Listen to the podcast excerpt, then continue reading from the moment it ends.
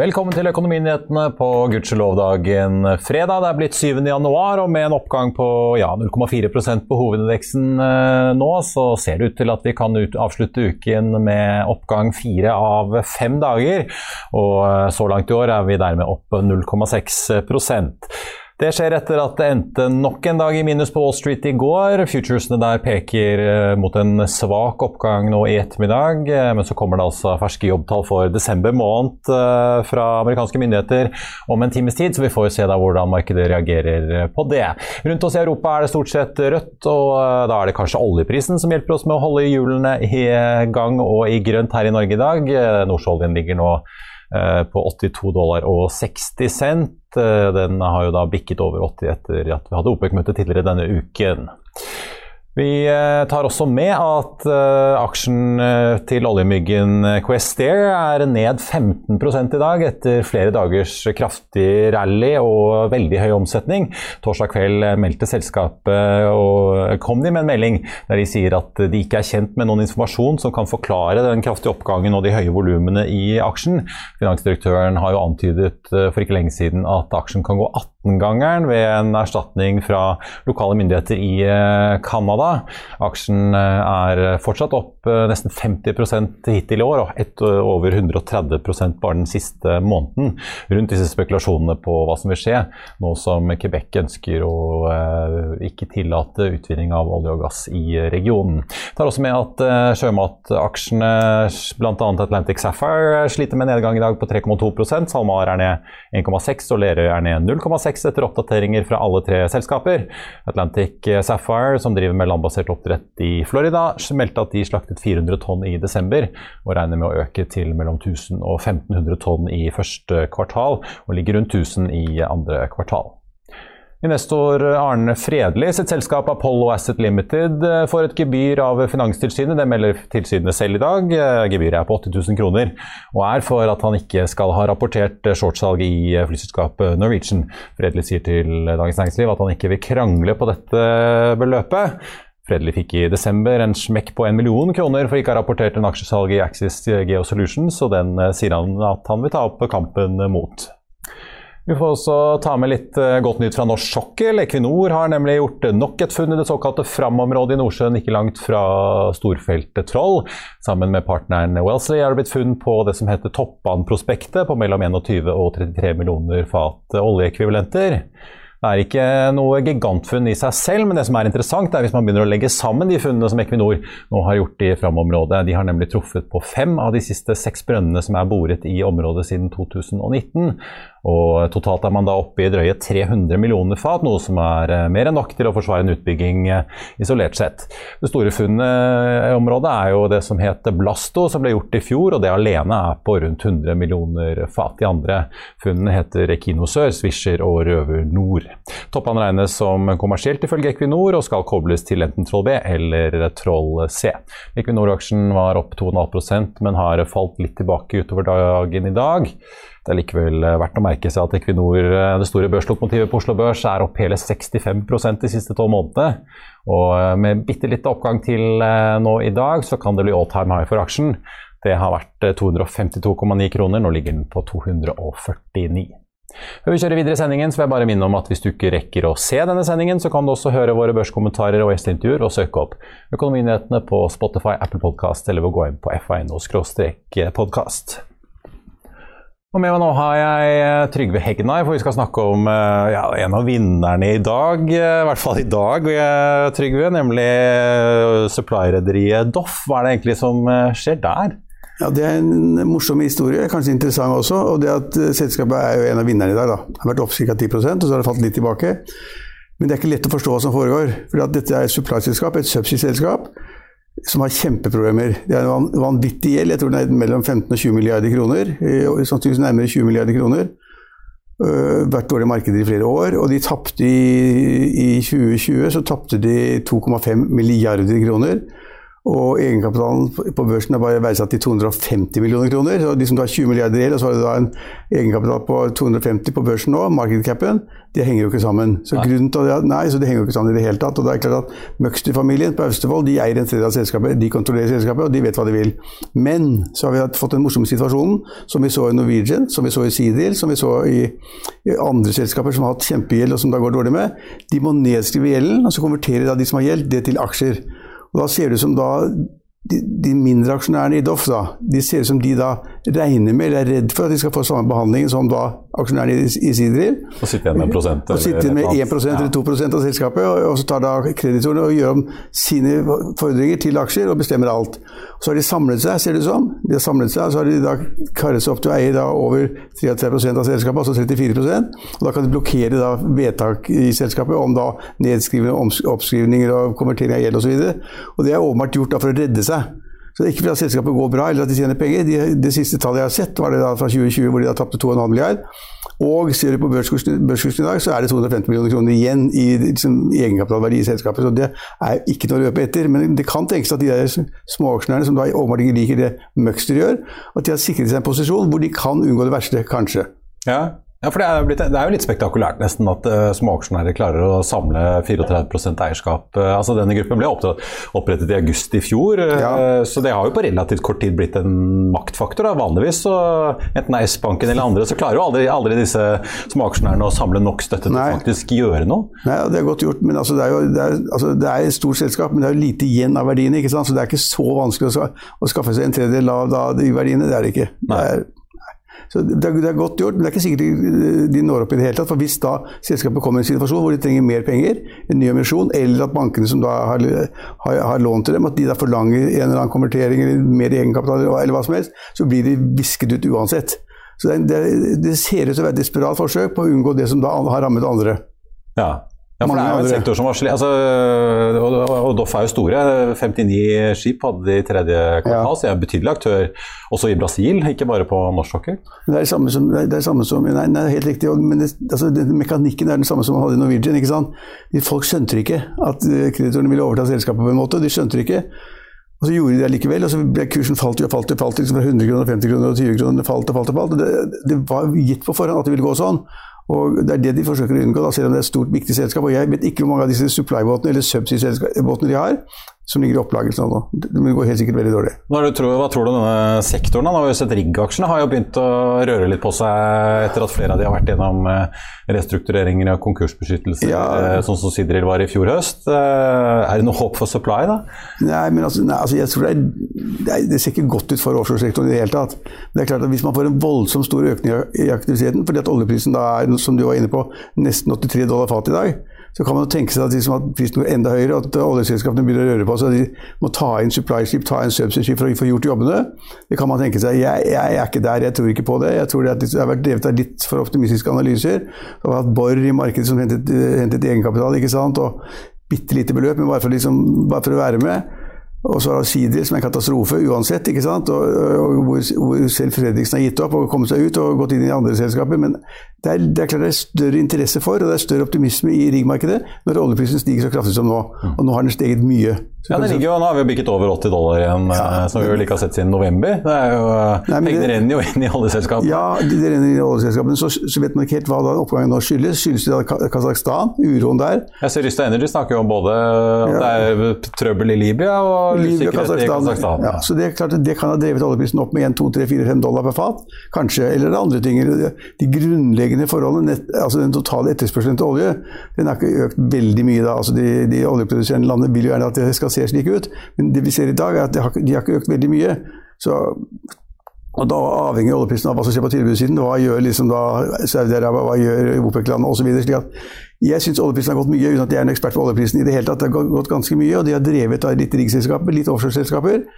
Men å si at dette vil fortsette, dette er liksom oppgangen, at Borr vil gå til himmels og andre, at Avilko vil gå til himmels, altså det tviler jeg på. Ja. Det tviler jeg på. Så får vi se om OPEC holder planen sin på å komme seg tilbake til eh, produksjonen de hadde før eh, koronapandemien i løpet av høsten. Ja. Du, vi, må, vi, må, ikke glemme Flyr. Nei, Flyr. flyr. flyr. Nå er jo tegningsrettene i handelen på Oslo Børs, og nå kan man eh, kjøpe seg retten til å være med i emisjonen på 250 millioner kroner. Ja, og det er altså, taper jo penger, de måtte gjøre, så har de fem fly, det er ingenting. Og så er det fremdeles vanskelige tider, og folk, nå begynner folk å booke mindre igjen. ikke sant? De, de, avbestilt, de har bestilt, og, og, og flyene er bare liksom Enten det er Norwegian eller SAS eller fly, så har de liksom belegget er 40-50% igjen. Det er elendig driftsøkonomi det. Og så har de da den emisjonen, da, så de måtte jo ha mer penger, og det har de da skaffet seg 250 millioner kroner. Det interessante ved den emisjonen, det er i og for seg ikke at uh, Erik Bråten og de andre står bak den, men det er det at de har fått toppinvestorer i, land, i landet, ikke sant, Spetalen og Arne Fredli, til å være med på den emisjonen. Og, og, og uh, Fredli han har garantert for 60 millioner av de 250. Og Spetalen har garantert for 20 millioner, så de er garantert å få en emisjon for 250, mot å betale da en provisjon til Fredli og Spetalen på 3 det er ikke noe høyt tall. men altså det er litt, Hvis ikke de får andre til å hoste opp de pengene. hvis ikke de andre til å opp, så er de garantert for det beløpet. Så da må da Spetalen ta 60 millioner og Fredelig 20 millioner. Og så er det mange andre investorer innimellom der som også skal ta ganske mye. Så at selskapet får pengene. Men hva er det verdt? Altså de, Den nye tegningskursen da, som det ble bestemt i går formelt på generalforsamlingen, det var da 95 øre per aksje. Og så må de kjøpe en tegningsrett. Og den har da åpenbart falt i verdi allerede, for nå er da aksjen 1,30 rundt 1,30 på, Den på ligger børsen. ned 33 den Ja. ja. Så tegningsretten har falt allerede, slik at hvis da disse garantistene må overta aksjene, så har jeg tatt et tap fra første dag. Og jeg kan jo ikke tenke meg at Spetalen og Fredrik, som er så tøffe og harde, og krever gevinst og fortjeneste og god drift hele tiden, at de skal gå inn for å bli i Flyr, det har jeg ingen tro på. De har gjort en god tjeneste ved å skaffe penger. De Fredrik tjener 2 millioner kroner på å gjøre det, sitter i Monaco og tjener 2 millioner kroner på å gi den garantien. Han håper selvfølgelig at han ikke må ta aksjene. Spitalen håper også selvfølgelig på at han ikke må ta aksjene, men de må hvis de må. Og så får de litt, godt, litt betalt for det, men at de skal bli sittende som store aksjonærer, har jeg ingen tro på. De regner kanskje med at eh, de kommer inn akkurat på bunnen og før optimismen kanskje Ja. øker på igjen utover våren. Ja, men uansett så blir de ikke sittende der. Nei. De vil få tall fremover i år, første halvår i år og annet halvår i år, som er tap for flyselskapet. Kraftige tap. Og så vet alle at vi har konkurranse fra Norwegian, vi vet at vi har konkurranse fra Har videre hva det måtte være. Kanskje kommer Ryan, på, Ryan på banen. Det er knalltøft å ha i bransje. Å tjene penger på det er nesten ikke mulig. Så jeg er overrasket over at de gidder å gå for emisjonen. Det er veldig fint at de gjør det, for et så lavt beløp som, som 3 av tegningsbeløpene. Men altså, jeg kan ikke tenke meg at de blir der. Og hvem skal da overta?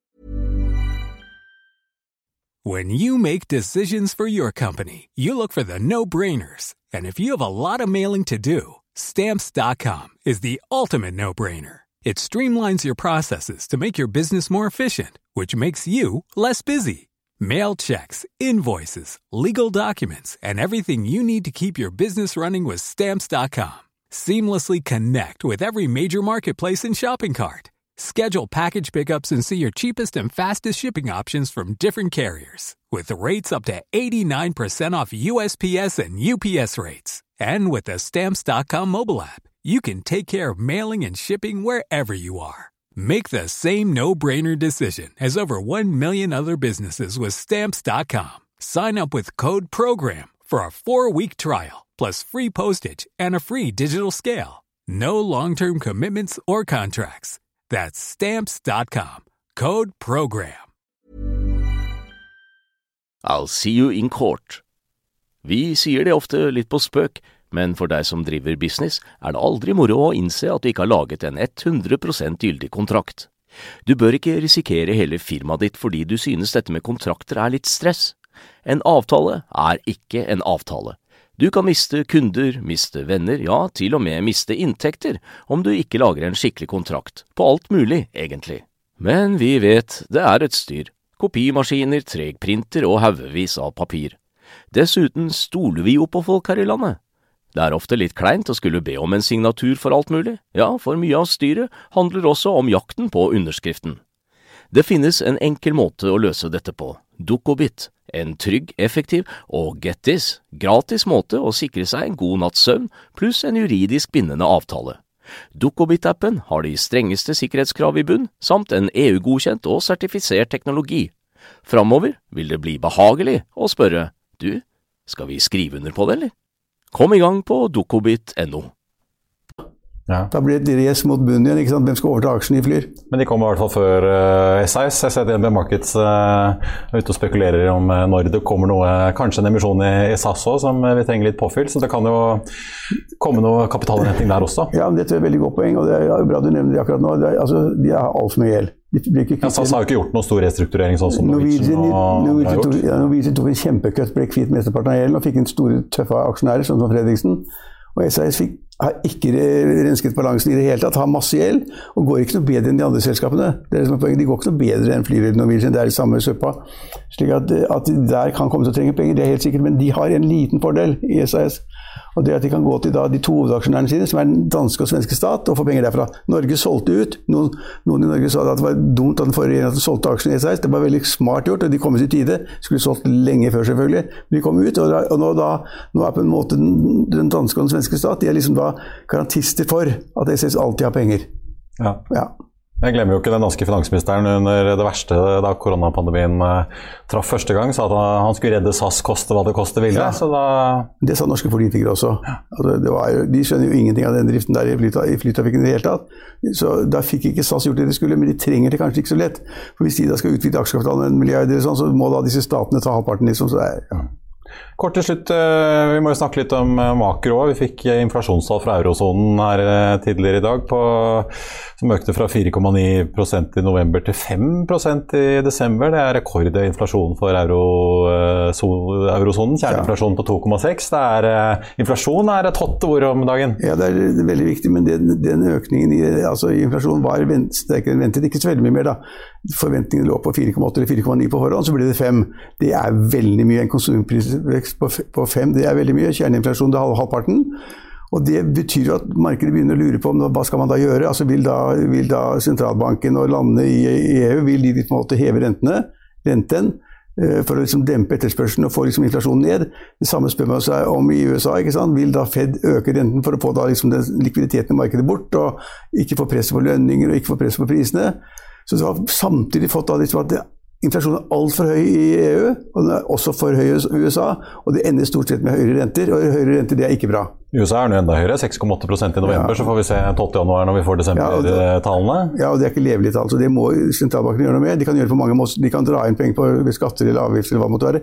Eller da på en måte ta det i pengepolitikken ved at renten går opp. Så alle nå regner med at renten kommer til å gå opp, og det er ikke bra for aksjemarkedene. Nei. Dessverre. Vi hadde jo tidligere visesentralbanksjef eh, Jon Nikolaisen her i går som fryktet stagflasjon i norsk økonomi. Ja, altså han trykte... Stigende priser og, og avtagende vekst. Det er en dårlig cocktail. Det er en dårlig cocktail. Altså, så vi ligger litt dårlig an makrotallene akkurat nå. Så vi har hatt eh, markedet med oss veldig lang tid. Det har gått veldig bra. All time high i USA, all time high i Norge osv. Altså, vi er veldig høyt oppe og høyt priset. Og den renteøkningen nå, hvis det blir EU i EU, det tror jeg det blir, det er ikke noe særlig bra. Nei. Snakker Kommer det, det jobbtall fra USA nå om en uh, tre kvarters Ja, og så er det at ja, I alle land er det samme. Det er, du, kan, du, har økt, du, har fått tilleggseffekter nå ved at du har fått, disse strømprisene er så høye. ikke sant? Det er komplisert. så Hvis de går opp sånn som i Norge, ikke sant? og så får du da samtidig kanskje lavere kronekurs og høyere prisvekst på importvarer osv. Det er mye, mange, mye ubehagelig marked akkurat nå. Ja, Vi må venne oss til det. Vi har ikke hatt prisvekst på ti år. Si. Ja. Takk skal du ha, Trygve. Gjennom høsten eh, ble jo plutselig verdens øyne rettet mot gjeldsproblemene i den gigantiske kinesiske eiendomsutvikleren Evergrande. Nå oppfordrer kinesiske myndigheter bankene til å øke utlånene til eiendomssektoren i landet, i frykt for hvordan det skal gå med bransjens likviditet. Bare se her. China called on banks to boost real estate lending in the first quarter and eased a key debt restriction for developers, a sign perhaps that authorities are becoming increasingly concerned about the industry's liquidity crisis. Bloomberg's Tom McKenzie joins us now for more. Tom, help me understand what's going on here because I thought there were concerns about too much debt in the property sector. I thought that was why we were seeing uh, the government clamp down on it, and here we have them pushing in the other direction. Yeah, it's a concern. It's obviously highlighting that policymakers are trying to engineer a soft landing, and you're right, this is going to be tricky for them. Where do you engineer? Where do you channel that lending? They want the money, they want this credit to go to the stronger developers. And this was interesting from this. Yes, they are leaning on the banking sector overall to increase lending to the real estate sector, but specifically they moved the restriction around lending for M&A, for acquisitions, because they want the stronger developers to help hoover up the soured assets of those weaker players like Schumau, like Kaiser, like Evergrande, of course, notably. Also unreported previously, uh, our team in China doing a great job, Back in December, the authorities' regulators offered window guidance again to the banks to step up lending to the overall property sector after two straight quarters, at least two straight quarters of falling lending. So it's clear they're becoming concerned about their liquidity squeeze. They want the money to go into the right places. They want these assets to be absorbed. Larry Hu from Macquarie saying these measures are marginal for now, but it probably spells the end of the tightest period of this years long regulatory squeeze. He sees additional stimulus for the real estate sector coming in the middle of the year. Fra Kina og eiendom skal vi over til bil, for i morgen er det lørdag. og Det betyr at det deiser en ny utgave av FA Motor ned i bladhyller i din nærmeste kiosk eller på dørmatten. Og Med det har jeg fått Håkon Saube, programleder i Mil etter mil og journalist her i FA Motor på besøk. Velkommen, Håkon. Takk, takk. Og god fredag. Kanskje vi bare skal vise mm, ja, coveret først, da, men du må nesten vise denne splitten inni. den coveret det er jo da en, en Ferrari, en gammel klassiker. Det er det. Men du må nesten flippe opp for å se denne herligheten. Hva er dette for noe? Der har vi. Alle kjenner jo igjen den. Ferrari 250. GTO. Yep. Dette er eh, fornemme greier fra en svunnen tid. Relativt. Er, du er jo en ganske spesiell klubb hvis du eier denne bilen. Det er jo han eh, Walmart-eieren, eh, han um, Rob Walton, og Ralph Lauren eier den. Han eh, trommisen i Pink Floyd. Så, det, er, det eh, er en eksklusiv klubb, altså. Det er rimelig spesielt. Det er jo bare laget 36 biler, eh, og denne saken her handler om en av de, som har en veldig spennende historie, så vi har tatt den for oss eh, veldig grundig. Vår veteranbilekspert. Men eh, det er jo litt gøy å snakke om tallene, da. Ja. For den bilen, eh, ifølge artikkelen iallfall, så kunne du kjøpt den tilsvarende på eh, 70-tallet for 30 000 kroner. Ja. Og nå eh, er den den dyreste av de omsatte 250 GTO-ene eh, ble solgt for 70 millioner dollar. Ouch. Ja. Og Da må du eie et motekonsern som eh, Ralph Lauren da, for å ha råd til noe sånt. Jeg tror det. Eh, Det er jo relativt vilt, eh, men man lurer jo også på om eh, verdiene kommer til å gå enda mer opp. Det snakkes om 100 millioner dollar, så altså over eh, ja, nærmere 900 millioner kroner da, for en bil. Ja. Jeg hadde ikke tutrota den ut på ringveien uh, utenfor her i dag, hvor snøen laver ned og steinspruten står i alle retninger. Eh, vi skal snakke om noe langt mer moderne som dere også har uh, i lørdagsutgaven denne uken, som vi ser på skjermen her, nemlig Mercedes-Benz EQS. Ja. Det selve er det, nye slagskipet, kan vi kalle det? ja, jeg tror egentlig Det er vel egentlig det det er. Det er jo en elektrisk eh, S-klasse, på en måte. Veldig aerodynamisk i formen, litt sånn såpestykke. Ja, veldig. Eh, Luftmotstand på bare 0,2, for de som eh, vet hva det betyr. Det er i hvert fall ekstremt eh, bra. Eh, veldig aerodynamisk og effektiv. Rekkevidden er på altså Den VLTP-godkjente rekkevidden er på 675 km, så da kan man kjøre langt. Ja, Nesten tre ganger eh, Lillehammer eh, på sommerføre i litt rolig fart, da kanskje? Ja, jeg Ja. tror i hvert fall at du kommer deg til, til hytta. Bør jo gå ganske greit. Det er jo ikke alle biler som gjør det heller. Fortell litt hvordan denne måler seg opp. Vi har et bilde på skjermen her av noen av eh, utfordrerne som denne Mercedesen møtte da dere testet og skulle kåre årets elbil her før jul. Her ser vi jo eh, Porsche Audi sin E-tron GT og, og Cross Turismo, BMW sin I4. Dette er jo, det er jo ikke sånn luksusslagskip eh, kanskje, men hvordan måler denne Mercedesen opp som en elbil? Er den eh, enda bedre enn de andre, eller er de liksom på nivå sånn teknisk? Du, det er, det er faktisk veldig bra. Den er ekstremt komfortabel. Det er det jo mange elbiler som er. Spesielt de litt rimeligere. Er ganske sånn stump og ikke veldig myk. Mercedesen er veldig myk, sånn som man forventer av en S-klasse. Den har et gigantisk batteri som muliggjør denne rekkevidden. 523 hestekrefter, så 0-100 på 4,3 sekunder. Kjapp, absolutt. Og den er diger også, over 5,2 meter lang. Så i forhold til de andre bilene vi hadde med i årets bilkåringen, da, så er det, det er mye bil. Den er også dyr. Eh, testbilen koster jo eh, over 1,4 millioner kroner. Så du er godt oppe i Porsche Taycan-land med den, på en bil som ikke er like sportslig, selvfølgelig, men svær, da. Ja. Så sammenligningsmessig Digg å kjøre langt. Veldig deilig Ja. å kjøre langt. Ja, og den, den føles stor, den føles kraftig. Den har jo en sånn enorm uh, skjerm som uh, Mercedes kaller hyperscreen. Ja, den ser vi jo bildet av nå. for jeg tenkte Når du sa 5,2 meter lang, så tenkte jeg ja, da begynner den å, å dytte Tesla Model S litt av, av størrelsestronen. Men ja, de utfordrer Tesla på skjerm òg. Mm.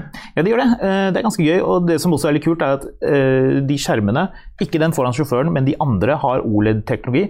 Så det, de, sortnivået for de som er opptatt av de tingene her, er veldig veldig bra. Og skjermene, spesielt på kvelden, for da kommer det lys rundt. De har disse turbinformede dysene. Eh, så det, det, er, det, er, veldig mye bra. Det er jo ikke alt som er perfekt med bilen. Det tar jeg opp litt i saken, for det er jeg som har skrevet den. Så hvis man er nysgjerrig på det som ikke er så veldig bra, foreslår jeg at man går inn og leser enten på nett eller papir. Høres ut som en veldig god idé. Håkon, god helg. Takk for at du kom. Da skal vi ta en titt på eh, aksjemarkedet akkurat eh, nå. Hovedindeksen er opp 0,26% og dermed ser det ut til at det holder inn til mål denne uken med en oppgang både i dag og fire av fem børsdager. Altså, den mest omsatte aksjen er Equinor opp 0, nei, ned 0,14, unnskyld, Aker BP på nummer to ned 0,3. Selv med en oljepris som er opp 0,85 til 82 dollar og 60 cent i spotmarkedet for et fat nordsjøolje. Questair, oljemyggen, er ned nå 22,5% men er helt på toppen, nesten på pall over de mest omsatte aksjene i dag, med en omsetning på 122 millioner kroner. Så tar vi med at uh, Flyr-aksjen Flyr er ned 9,17% nå som tegningsrettene til emisjonen i flyselskapet er i handelen. og Den aksjen eh, prises nå til 1 krone og 37 øre. Emisjonen som Flyr hadde da de gikk på børs her i fjor, var jo da på 5 kroner, så kursfallet har jo vært ganske betydelig for aksjonærene i flyselskapet. Ellers er altså supply-rederiet Doff opp 5,8% Det kom jo da altså flaggermelding tidligere i dag om at denne opprørsgruppen har sikret seg 34% eierskap i eh, Doff, og dermed har sikret seg negativ kontroll over eh, vedtektsendringer og gjennomføring av en restruktureringsplan. Så får vi se hva selskapet og kreditorene gjør eh, videre. I Finansavisen i morgen på lørdag kan du selvfølgelig lese FA Motor og masse annet helgestoff. Du kan lese Trygve Hegnars leder om Telenor og TV 2-krangelen, som ikke ser ut til å gi seg. Du kan lese om en ny vending i Quest Air-sagaen og spekulasjonen om erstatning i Canada. Og du kan lese om aksjebeskatningen og hvordan den er skjerpet. Det var det vi hadde for deg på denne fredagen. Tusen takk for at du så på. Vi er tilbake på mandag klokken 14.30. I mellomtiden ønsker alle vi her i Finansavisen deg en riktig god helg. Takk for følget.